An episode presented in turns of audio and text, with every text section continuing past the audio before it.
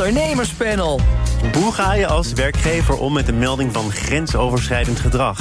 En de faillissementsgolf die al tijden wordt verwacht, hij lijkt er nu echt te gaan komen. Dat en meer bespreek ik in het ondernemerspanel. En daarin zitten Hans Biesheuvel van ONL Ondernemend Nederland. Goed dat je er bent, Hans. Ja, dank je. En Evelien Kaan, oprichter-eigenaar van MTV Europe. Ook goed dat jij er bent. Hi. En ik wil graag beginnen met jullie eigen nieuws. En omdat het allemaal ellendig genoeg is, zal ook blijken in de loop van dit panel... Uh, beginnen we maar eens opbeurend. Want Evelien, jij bent hard aan het groeien. Ja, klopt. Het is wel een leuk nieuwtje, denk ik. Uh, begin dit jaar hebben we, uh, zijn we uitgebreid naar een bereik van 15.000 winkels. Uh, en dat betekent dat we onze merken aan een veel ja, groter netwerk van retailers kunnen aanbieden. Daar zijn we natuurlijk ontzettend trots op. Dat komt door een licentie die we hebben overgenomen. Dat komt door nieuwe landen die we hebben geopend, zoals Scandinavië. En een nieuwe categorie, namelijk Intimate Wellness. Sorry? Intimate Wellness. En wat schiet ik daarmee op? Wat Nou, dat zijn uh, lubricants, devices. Oh. Kijk, nee, ja, ik, ik leer snel bij. Uh, en toch nog even Groeiende naar, categorie, heel ja, veel innovatie. Nou, en ja, over die groei gesproken, want uh, het komt dus hartstikke snel in meerdere landen, meerdere producten, meerdere winkels. Dat is goed nieuws. En tegelijkertijd ik gooi het maar op tafel. Ja. Een uitdagende periode voor een ondernemer, of niet? Ja, nou ja, kijk, uh, 15.000 winkels, dat is een 50% groei versus uh, vorig jaar. Ja, dat betekent dat er opeens heel veel uh, op je afkomt. En dan is het aan mij om dat in goede baan te leiden. En natuurlijk ons team. En zij zijn supergoed in het begeleiden en het uitvoeren van mijn ambitieuze plannen. Maar wat gaat er nu goed en wat gaat er misschien onverhoopt toch minder goed? Wat goed gaat, is dat we snel zijn, flexibel zijn, snel kunnen reageren op veranderingen. Wat minder goed is, is dat er bij een aantal grote retailers, zoals bijvoorbeeld een DM met 2000 euro, heel veel bureaucratie bij komt kijken. En dat is, ja, voor, dat is wel lastig. Maar daar kun je moeilijk tegen opboksen. Nee, dat regelen wij, hè? Oh, dat regelt toch ja, ja. wel. Heel goed. We gaan naar iets wat blijkbaar moeilijker te regelen is, Hans. Namelijk de verduurzamingsplannen van veel ondernemers. Ja, nou, ik heb meegewerkt aan een artikel van het Financieel Dagblad deze week, hè, wat daarover schrijft. Hè. Veel obstakels uh, kom je tegen als je wil verduurzamen als ondernemer. Uh, mensen die een elektrische bus willen aanschaffen, ja, die aanschafprijs is gewoon hoog. Uh, je terugverdientijd is langer door de hoge rente. Maar er is natuurlijk al heel veel netcongestie gaande. Ik was gisteravond nog in Alblasserdam bij ondernemerskring Alblasserdam. Iemand moet het doen, Hans. Iemand moet het doen, maar fantastische groep ondernemers. Het is een hele mooie, mooie uh, deel van Nederland waar heel veel economie zit. En daar lopen ze aan tegen het feit dat bijvoorbeeld de gemeente een milieuzone instelt. Maar ja, je elektrische bus kan je niet opladen, want er is geen uh, capaciteit op het net. Ja, hoe ga je dat dan doen als ondernemer? Dus veel obstakels. Maar misschien nog wel de belangrijkste obstakel is hoe financier je het? Hè? Want we hebben nog drie banken over in Nederland die krediet verlenen. Nou, die zijn eigenlijk helemaal niet zo op dat MKB gericht. Nee. Maar die hebben in hun uh, rekenmodellen nog vooral de oude modellen uh, tussen de oren zitten. En niet meer ja, dat die terugverdientijd anders is of dat je marges anders zijn. Als je een elektrische oven aanschaft. Dus je komt moeilijk aan die financiering. Dus mijn pleidooi is ook. Laten we nou zoveel mogelijk obstakels wegnemen. Zeker wat betreft die financiering. Ondernemers willen maar moeten ook wel op dit maar moment. Maar wacht even, is, gaat het nu om bureaucratische rompslomp... of zeg je, die ondernemers hebben grote plannen... maar onderaan de streep onvoldoende geld? Nou ja, kijk, je ziet natuurlijk een, een terugverdientijd. Kijk, als jij een elektrische bus moet kopen... die twee keer zo duur in aanschaf is dan een dieselbus. En de actieradius is gewoon lager. Hè. Je kan niet acht uur rijden met een elektrische bus. Dat betekent dus dat je er misschien wel twee moet aanschaffen... waarvoor je normaal gesproken één dieselbus kon kopen voor hetzelfde geld. Nou, dan zit je natuurlijk met een probleem. Hoe financier ik dat? Die terugverdientijd is langer. Uh, en met de snel, snel stijgende rente wordt dat helemaal lastig om te financieren. Maar we zien ook heel veel bureaucratie. Hè. Er zijn gemeentehuizen waar geen capaciteit is om vergunningen te verlenen. Als jij zonnepanelen op je dak wil, heb je een vergunning nodig. Nou, ik hoor dat er gemeenten zijn dat je twee jaar wacht op een vergunning, omdat er geen ambtenaren zijn. Dus mijn pleidooi is weg met die bureaucratie. En zorg dat ondernemers het kunnen financieren. En daar hebben we niet alleen de banken bij nodig, ook al die non-bankaire financiën. Die zijn er toch ook in toenemende mate. En ik hoor altijd dat ondernemers ook steeds makkelijker en vaker de weg naar die andere bronnen weten te vinden. Zeker, en, en, en, en die zijn er ook. Maar goed, nogmaals, uh, er ligt heel veel op de obstakels. En mijn punt is eigenlijk, laten we naar de kans pakken. Want er zijn heel veel ondernemers die willen en die moeten nu ook wel, want die energierekening moet naar beneden. Laten we dat moment nou niet weg laten vloeien door bureaucratie en het feit dat we niet alert zijn op die financiering. We gaan naar uh, bedrijven die het uh, wel eens uh, beter hebben gehad. Tenminste, dat blijkt uit de verwachting van kredietverzekeraar Atradius. Het aantal faillissementen zal dit jaar naar verwachting fors toenemen met zo'n 80 procent. dat is dan voor dit jaar, volgend jaar 21 procent erbij in 2024. Evelien, heeft dat nu te maken met veranderende economische omstandigheden, of toch vooral met de periode waarmee vergeleken wordt, namelijk die coronajaren, waarin het aantal faillissementen, dat hebben we hier vaak genoeg benadrukt, historisch laag lag? Ja, eerlijk gezegd, ik vind een beetje hè, want we gaan gewoon terug naar pre-corona niveaus. Um, en ik vraag, me, ik vraag me af waar zij dan naar kijken. Hè? Want ze kijken natuurlijk naar 2021. 2022 is nog niet, waarschijnlijk nog niet gedeponeerd. En kijken ze dan naar, alleen naar de jaarrekening? Of kijken ze dan bijvoorbeeld ook naar... Hè, want op jaarrekeningen gaan bedrijven niet uh, failliet. Dat gaat echt op uh, cashflow. Kijken ze ook naar de toekomstige uh, plannen van dat soort bedrijven. En wat hebben zij er eigenlijk aan om dit soort nieuws hè, in het nieuws te brengen? Want eigenlijk speelt het alleen maar in de hand en is een soort van self-fulfilling prophecy. Oh, je denkt dat dat radius het voor zichzelf gebruikt? Nou ja, kijk, het kan ik... wel zijn dat uit onderzoek blijkt dat die periode van die historisch lage aantallen faillissementen voorbij is, omdat de coronasteun afgelopen is, omdat het economisch wel eens beter is gegaan? Nee, kijk, ik, ik uh, kijk, ik vraag me af waarom dit dan zo, hè, waarom dat dan zo naar buiten komt. Ik vind dan dat uh, we duidelijk moeten hebben: oké, waar kijkt Atradius naar? Zij, zij, spelen het zelf in de hand. Dus door te zeggen, hè, we gaan die de verzekeringen gaan we uh, inkorten, betekent ook weer dat bedrijven dus minder gaan inkomen, minder gaan afnemen, want ze kunnen die bedragen niet verzekeren. Dus ja, het is een soort downward spiral. Um, die zij dan ook faciliteren met dit soort nieuws. Hans, net zo kritisch? Nou ja, kijk, het, we gaan we back to basics, hè, zou je bijna kunnen zeggen. Ik denk dat er ook een beetje een inhaaleffect in zit. Qua ja, bedrijven die het moeilijk krijgen. Want ja, je hebt 2,5 jaar eigenlijk niet, geen belasting hoeven betalen in Nederland. Je kon het heel lang uitstellen. Nou, nu moet je gaan terugbetalen. Ik merk ook aan financier, andere financiers, die zijn heel lang collant geweest, zijn nu minder collant. Heeft ook met die stijgende rente te maken. Er zijn heel veel bedrijven zijn enorm zwaar gefinancierd. Ja, nu gaat die rente omhoog. Ja, gaat snel, uh, meer druk natuurlijk op je resultaat. Ja, wordt ook genoemd door Atradius, hè? corona steunt ten einde, energieprijs omhoog, Precies. hoge rente. Ja. Uh, die combinatie ja. wordt veel bedrijven te veel. Nou, wat ik zie eigenlijk, ik had van de week nog een paar horeca groot, uh, zeg maar wat grotere horecaketens op bezoek. Dus ook in Amsterdam? kwamen bij jou langs? Uh, die kwamen bij mij even op bezoek een beetje bij te praten. Maar je ziet dat ze wel veel omzet hebben, maar heel weinig marge. Hè, door al die gestegen kosten, ja. te weinig handjes, niet alle dagen open kunnen. Wel veel omzet, maar weinig marge. En dat breek je dan op als je moet aflossen of rente moet betalen. Ja, ja, ja, en aan de andere kant ook door die verzekeringen vind ik echt, ik ben wel kritisch hoor, want, ik, want wij werken heel veel met dit soort verzekeringen. Kijk, eh, ik vind ook dat zij dan ook iets moeten aandragen van, oké, hoe kunnen ze dan wel, eh, kunnen zij misschien een onderdeel zijn van, van de oplossing? Hoe, hoe kunnen zij meewerken aan, uh, ja, ja, wat ik zeg, andere, andere andere oplossingen om die bedrijven meer te ondersteunen. Maar als er met... bedrijven zijn die in de kern niet levensvatbaar zijn, hè, die term nee, ja, nee, vaker gebruikt, ja, nee, ja. dan moet je afvragen of het wel zo erg is. Ik, ik, toch even naar Theo Smit, want die is van Atradius. Het is misschien ook goed om die kant dan even te laten horen. In gesprek met mijn collega Bas van Werven. Levensvatbare bedrijven hebben steun gekregen in sommige gevallen, maar ook de niet levensvatbare bedrijven. Um, en uh, ja, wat we nu gaan zien de komende twee jaar is dat die niet levensvatbare bedrijven, dat een deel daarvan alsnog uh, omvalt. Ja. Omdat uh, de steun nu ja, is weggevallen. Hans? Dat, dat, hoeft op zichzelf natuurlijk niet slecht te zijn. Hè? Kijk, wij waren heel erg voor die generieke steun. Vanwege de snelheid hè, toen. Ja, als je dat van bedrijf tot bedrijf had moeten kijken of ze levensvatbaar waren, had het nooit die steun aangekomen. Dus dat was toen goed. Maar in een normale economie is het gezond dat de bedrijven afvallen en nieuwe bijkomen natuurlijk vervelend voor de individuele ondernemer. Maar op zichzelf, hè, voor een goede, gezonde economie, is niet erg als bedrijven afvallen. Want als je niet levensvatbaar bent, wil slecht geld achter slecht geld aangooien, is nooit verstandig.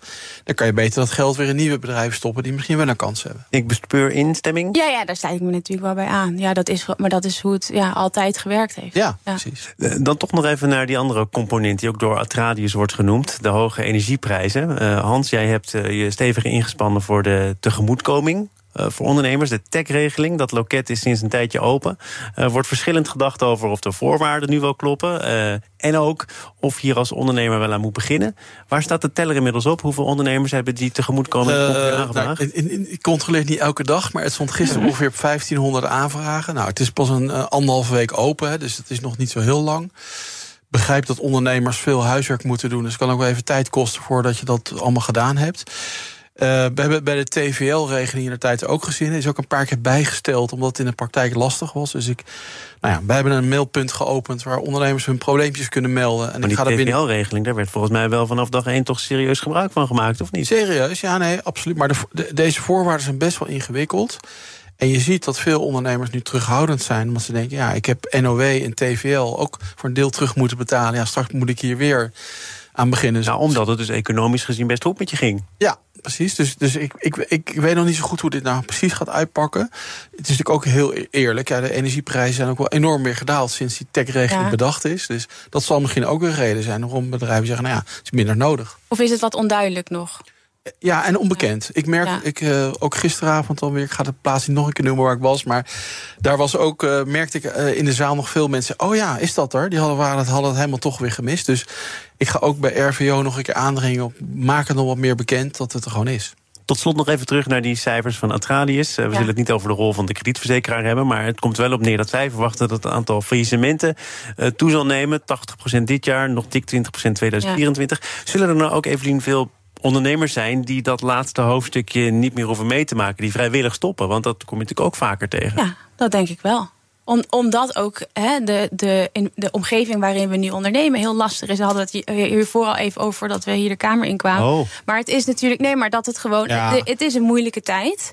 En dan kan ik me heel goed begrijpen dat ondernemers dan zeggen: luister, eh, tot hier en niet verder. De marges staan on, ontzettend onder druk. Misschien is er hè, geen uitzicht op uh, een, een, verbetering binnen korte termijn. Ja, dan begrijp ik dat dat. Uh... Nou, mijn generatie ondernemers, merk ik, hè, die loopt gewoon aan tegen die, één, die regeldruk. Hè, die hebben geen zin meer in al die regels. Het werkgeverschap, hè, dat is een soort regelexplosie omheen. En heel veel mensen van mijn generatie denken, nou, ik moet nog tien jaar door. Hè. Die, die hebben nu toch nieuwe hoop, omdat BBB zo groot is in de Eerste Kamer. Ja, Stel, maar wacht nieuwe hoop. Maar er zijn, ja, nou ja, maar die, heeft, die is zich wel heel erg MKB-minded aan opstellen. Dus ik vol verwachting klopt mijn hart. Ja. Maar ik merk wel dat die denken, ja, jongens, ik heb geen zin meer in die sores van het werkgeverschap en straks weer een pensioenregeling, weet je. Ik ga gewoon meer de regie, regie doen. Hè. Dus ik ga wel de orders binnenhalen. Ik zet het werk uit bij ZZP'ers. Maar niet meer echt mensen op de payroll. Dat zie ik ook heel veel gebeuren. Ja. En veel ZZP'ers die zijn in de coronatijd achtergekomen. Ja, het is toch wel heel risicovol. Misschien kan ik maar beter weer ergens in dienst gaan nu. Ja. Want banen genoeg. Ja. ja. We gaan naar deel 2 van dit panel. BNR Nieuwsradio. Zaken doen. Thomas van Zeil. Het ondernemerspanel wordt gevormd door Hans Biesheuvel en Evelien Kaan. Van de misstanden bij The Voice werd veelvuldig intern melding gemaakt... maar met die meldingen werd vervolgens te weinig gedaan. Blijkt uit het onderzoek dat advocatenkantoor van Doornen... in opdracht van producent ITV liet uitvoeren. Eh, als je nu toch kijkt naar de afdronk van dat rapport, dat onderzoek... dan is het voor velen een beetje vlees nog vis. De regeringscommissaris Mariette Hamer heeft zich buitengewoon kritisch over uitgelaten. Integriteitsonderzoek niet echt, cultuuronderzoek niet echt. Uiteraard was ook de kritiek niet mals van de advocaat die de slachtoffers van The Voice bijstond. Wat denk jij als je dit allemaal leest, Evelien? Ja, kijk, ik vind het natuurlijk wel kwalijk. Als er onderzoek gedaan wordt, dan, dan moeten daar ook uh, conclusies uitkomen en consequenties. En dat voor mij is nog niet helemaal duidelijk. Hè. Hoe gaan we dan nu verder? En niet alleen deze organisatie, maar wat worden ook de nieuwe richtlijnen, of nieuwe richtlijnen niet eens, maar hoe gaan we verder? Wat zijn de consequenties van dit soort gedrag, van dit soort onderzoek? Want we kunnen natuurlijk eindeloos onderzoek doen, dat kunnen we allemaal. En dan? En wat zou een consequentie kunnen zijn, wat jou betreft? Ja, dat we uh, be be meer bewustzijn komt over wat grensoverschrijdend gedrag is. En dat we elkaar bijvoorbeeld er allemaal op aanspreken. wanneer we er getuigen van zijn. Maar, maar ook um, ja, dat we, dat we beter ondersteuning geven aan bijvoorbeeld meldpunten. Nou, er zijn ook geluiden, en die komen dan onder andere vanuit de slachtofferhoek, die zeggen: voor ons is het pas genoeg als de directie van ITV in ja, Nederland aftreedt. Ja, dat snap ik. Dat is iets anders dan werken aan een andere cultuur of ja. aan het nader definiëren ja, van grensoverschrijdend gedrag. Uh, gaat het wat jou betreft te ver? Of zeg je, nou, in deze situatie kan ik me daar wel in vinden? Ja, kan ik me wel in vinden. Er zijn natuurlijk ook fouten gemaakt. En dat is dat rapport, dat geeft dat ook toe, dat er fouten zijn gemaakt. Dus, dus, maar wie is dan verantwoordelijk? Iemand moet de verantwoordelijkheid pakken. Zo, zo werkt het nou eenmaal. Hans? Ja, daar ben ik het helemaal mee eens. Kijk, ik heb dit niet tot in detail gevolgd. Ik vind het wel een beetje gehyped allemaal hè, in de ja, media eens, nu, ja. dit onderwerp. Maar het feit dat je. Dit onderwerp gehyped in de media? Nou, de, de, de, wat er bij de Voice, Voice gebeurt. ja. Hè, niet, niet het, het, thema, maar. Hè, dus dat vind ik dan allemaal een beetje lastiger nu te beoordelen. Maar het, on, kijk, er is heel veel grensoverschrijdend gedrag, helaas. Hè, van allerlei aard. En het, ik vind dat moet veel meer bespreekbaar gemaakt worden. En we moeten ook wel zorgen dat we het balans houden. Hè, want niet iedere melding is gelijk en zomerschijnend gedrag. Ik wil ook voorkomen dat mensen zomaar in één keer op straat gezet kunnen worden voor valse meldingen. Nou, dus Nieuwsuur had er afgelopen maand een uh, rapportage over dat als je eenmaal wordt verdacht en niet eens duidelijk is wat er aan de hand is, dat een werkwerkgever toch snel geneigd is om dan maar korte metten te maken. Precies, dus ik wil wel wijd uh, voor hoor en wederhoor. En dat is. Maar waar ik nog veel belangrijker vind, is dat mensen met elkaar in gesprek hierover gaan. Want je kan wel op rapporten gaan wachten en allemaal hoog over dingen. Maar uiteindelijk gaat je bent met elkaar op een werkplek. Ja. In wat voor situatie dan ook. En je moet met elkaar erover praten. En met elkaar goede afspraken maken. Want wat ik misschien een leuk grapje vind, vind jij misschien heel vervelend. En andersom. En ik vind dat mensen ook met elkaar wat meer de verantwoordelijkheid moeten nemen om daarover te praten. Als je met elkaar dan niet meer je grapje tolereren? Nee, maar als jij met elkaar. Je grenzen aangeven. Je kan gewoon grenzen aangeven. En dan moet je overal weer ook misschien even aan elkaar gewoon een keer vragen. Van joh. Eh, wat jij leuk vindt, vind ik misschien niet zo leuk en andersom. Maar als je dat een keer uitpraat, is misschien voldoende hè, met elkaar. Uh, want ik zou het ook jammer vinden hè, als we zo krampachtig met elkaar worden... dat we helemaal niet meer communiceren en niks meer tegen elkaar durven te zeggen. Want dan gaat de lol er ook een beetje vanaf. Dus ik vind dat hoor en wederhoor belangrijk... en dat mensen vooral met elkaar afspraken erover maken. Ik denk dat, kijk, we gaan nu een periode in waarbij we wat, misschien wat oncomfortabel zijn met wat kunnen we nou wel en wat kunnen we nou niet zeggen. Ik denk dat hoort, dat hoort erbij. Het is natuurlijk moeilijk, want het is niet echt meetbaar, hè, vaak. Um, en ja, ik sluit me aan bij, bij wat je zegt, inderdaad, Hans. Maar ik denk ook dat we vooral elkaar op gedrag moeten blijven aanspreken. Dus als je erbij bent en je hoort iets waarvan je denkt dat kan niet worden beugel, um, uh, begin erover. Uh, uh, en ik denk op deze manier, hè, niet alleen vrouwen tegen mannen en allemaal dat soort rare dingen, maar samen lossen we het op, denk ik. Nou is het wel zo dat hier iemand in de studio staat die fel is tegen meer regelgeving. De Tweede Kamer heeft een goede maand geleden gedebatteerd over een verplichte vertrouwenspersoon. Ook voor het kleinere MKB. Onder andere de VVD zag daar niks in. Want extra geld, weer een extra regel, zie het allemaal maar eens te fixen. Ja. Um, indachtig jouw zorg die je toch uitspreekt. Ja. Hoe moet dat dan? Nou ja, ik, nogmaals, kijk, dat van die vertrouwenspersonen. Kijk, ik, ik, ook dit, is natuurlijk voor hele kleine bedrijven heel moeilijk te realiseren. En dan zeggen ze, doe maar extern of via een brancheorganisatie. Ja, goed, maar dat, die mensen moeten dan allemaal zijn. Dan is er toch veel afstand. Ik, ik zie zelf meer in, wat ik net zei, hè, in een klein team. Hè. Ik bedoel, vergeet niet, 93% van de Nederlandse bedrijven heeft geen HR. Hoe, hoe, serieus neem je het dan als je zegt, ja, die verplichte vertrouwens? Nou, ik vind als werkgever dat je, dat, je, dat je het gewoon zelf uh, bespreekbaar moet maken. Dat je regelmatig moet, moet checken bij mensen. Ben je comfortabel? Zijn er dingen waar je niet prettig bij voelt? Maar je hebt natuurlijk hele kleine organisaties... waarin misschien wel de werkgever de grote boeman is. Ja, ja, maar goed, dan, en die moet dan het gesprek gaan leiden. Ja, maar goed, aan de andere kant, ja, hoe wil je het dan doen? Hè? nou ja, geef ik een bedrijf met vier medewerkers en dan een vertrouwenspersoon aannemen is ook geen optie.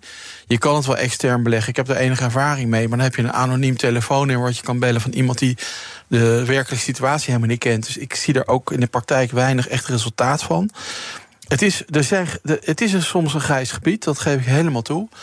Maar ik vind ook dat je als werknemer, ook je werkgever, als je niet prettig voelt, daar ook op moet durven aanspreken. Evelien, dus dat is de oplossing van Hans. Het moet toch vanuit de bedrijven zelf gebeuren. Ook al ben je met een klein team en is het soms een grijs gebied. Die verplichte vertrouwenspersoon, ook voor het kleinere MKB... desnoods extern in te huren of via een brancheorganisatie te beleggen? Ja, maar ik denk ook, kijk, in MKB is er heel veel, heel veel verschil tussen hoeveel personeel is er en, hè, en is er wel een HR-afdeling. En nou, de, ja, maar dit gaat over, uh, volgens mij, als je meer dan 50 uh, medewerkers 50, hebt, dan, dan, dan gelden er al andere ja, regels. Nou, ik denk dat, maar daaronder? Ja, nee, maar ik denk dat het sowieso belangrijk is dat er voor elk bedrijf, groot of klein, dat er een protocol is over hoe er om wordt gegaan uh, met grensoverschrijdend gedrag. Dat dat, dat dat protocol gemakkelijk is op te zoeken voor medewerkers. En dat er in ieder geval stappen duidelijk zijn die, uh, die genomen kunnen worden. En bespreek dat protocol. Hè? Uh, want dat is ook belangrijk. Stel het met je medewerkers samen op. Hè? Bespreek het. Ja, werkt het? En werkt het ook. En, en zeg elke drie maanden of zes maanden, jongens, laten we het er even erbij pakken. En zijn, moeten we het aanpassen. Maar daar zie ik meer in. Dus ik ben er helemaal niet tegen vertrouwenspersoon. Maar voor die hele kleine bedrijven denk ik dat dit veel effectiever is dan uh, ja, verplicht en vertrouwen. We gaan even naar uh, ondernemers in de reisbranche. Want die zullen druk hebben. Die hebben nog precies één dag om hun website aan te passen. Want die staat, als je de Consumentenbond moet geloven... en die hebben er onderzoek naar gedaan, bomvol met lokkertjes. We worden naar Kreta gestuurd voor een habbekrat. En dan zijn we er ingetrapt tussen haakjes. En dan blijkt het allemaal veel duurder te zijn. Of blijkt de prijs niet te gelden in de week dat ik het liefst op vakantie ga naar Kreta. Uh, is hier, Evelien, sprake van misleiding? Uh, ja, als we het hebben over advertenties en reclame. Uh, ja, maar ik, bedoel, ik denk wel dat de consument al heel lang weet dat ze in de val gelokt worden. Oh ja?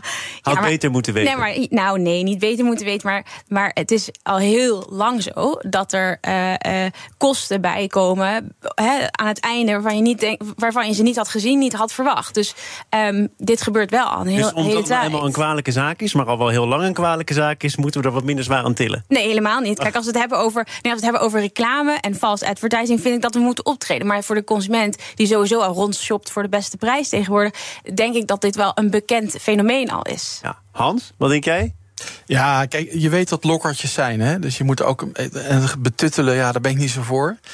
Ik uh, bedoel, ik ging vanmorgen heel vroeg even naar de Albert Heijn om iets te halen voor een van mijn dochters. Ja, dan staat er voor dat ik erin kom ook een groot ding. Hè, met uh, pak even een appeltaart voor 5 euro mee. Dat is ook een lokkertje. Uh, nou, ik weet dat die goed voor me is, dus ik laat hem staan. Maar, nee, maar begrijp je, dus het zijn lokkertjes. En ja, mensen moeten gewoon zelf nou ja, een beetje... Maar goed, die appeltaart, die mag je dan afrekenen voor de prijs die hopelijk staat bij het bord. Ik nu 5 euro. Ik snap je punt. Maar als het online is, zijn we gelijk allemaal heel schichtig. Terwijl in iedere fysieke winkel waar ik binnenkom, zie ik ook allemaal lokkertjes. Dat hoort er een beetje bij. En dan ben je er toch zelf bij, of je er wel of niet hè, ja. dan iets doet. Sommige reizen werden wel niet zomaar een tientje duurder, maar gewoon 400 euro kwam ja. ik ergens tegen. Nou ja, dat vind ik ook een beetje bizar. Laten we eerlijk zijn. Ik bedoel, dat, daar ben ik ook helemaal niet voor. Ik zou die, tegen die bedrijven zelf zeggen, op met die ja. flauwekul. Hè? Maar het betuttelen en allemaal weer in wetten gaan vastleggen en zo, ja, dat uh, gaat. Nee, kijk, dat er toeristenbelasting bij komt hè, en dat soort zaken, dan ja. denk ik, nou ja, oké. Okay. Maar uh, als een fly and drive of whatever dus, hè, wordt geadverteerd en je krijgt de fly, maar de drive moet je daar achteraf nog afbetalen, uh, betalen, dan denk ik, ja, dat gaat te ver. Maar zijn we, zijn, we, zijn we wat kritischer op hoe we online bij de neus genomen worden dan wat er in ons dagelijks leven om ons heen bij de supermarkt gebeurt? Nou, ik denk dat online sowieso vaker gebeurt. Bijvoorbeeld, het is makkelijker te meten. De prijzen kunnen sneller aangepast worden. Er zitten hele teams op uh, de funnel. Uh, dus ik denk dat online sowieso vaker gebeurt. Ja, is dat zo? Want volgens mij de van-voor problematiek hè, bij supermarkten of bij andere winkels. En waar vergelijk je dan precies mee? En is die korting inderdaad wel 40% of niet? Volgens mij ja, komt dat in heel veel gevallen voor. Tuurlijk. Nou ja, je weet het, hè. We hebben het wel eens vaker over. Ik verkocht oh, vroeger bout en moren. Daar beter. En dan kwamen de klanten bij mij en die zeiden... ja, nu kan ik het rustig vertellen al die jaren. Maar die zei, nou, ik wil 30% korting. Nou, dan deden wij de bruto prijs een beetje omhoog. En dan gaf rustig 30% korting. Maar netto betaal ze exact hetzelfde. Ja, zo werkt gewoon de handel. En dat is iets, ja... Dat is van alle tijden, zou ik bijna zeggen. Maar ik vind het een beetje flauw om als het online is... om gelijk allemaal helemaal de krant te schieten... en over wetgeving te praten. Terwijl nogmaals, ga ze naar het kruidvat of waar dan ook... ja, je wordt onder oren geslagen met lokkertjes? Hans Biesheuvel van ONL, overal en nergens te vinden. Ook in Alblasserdam, toch nog maar een keer genoemd. En Evelien Kaan, oprichter-eigenaar van het snel groeiende MTV Europe. Dank voor jullie komst. Dankjewel. Dit panel is trouwens ook te beluisteren als podcast. Abonneer je vooral even via je favoriete kanaal of de BNR-app. Zometeen dan wordt er gepitcht in BNR Zaken doen... door bedrijven die er nog alle vertrouwen in hebben. Bij BNR ben je altijd als eerste op de hoogte van het laatste nieuws. Luister dagelijks live via internet. Jelle Maasbach. Wesley Weert. We zijn er voor je met het leukste, opvallendste, maar natuurlijk ook het belangrijkste nieuws. Tijdens de presentatie van die halfjaarcijfers toen die beurskoers in elkaar kukkelde. BNR Beurs. Voor de slimme belegger. Blijf scherp en mis niets.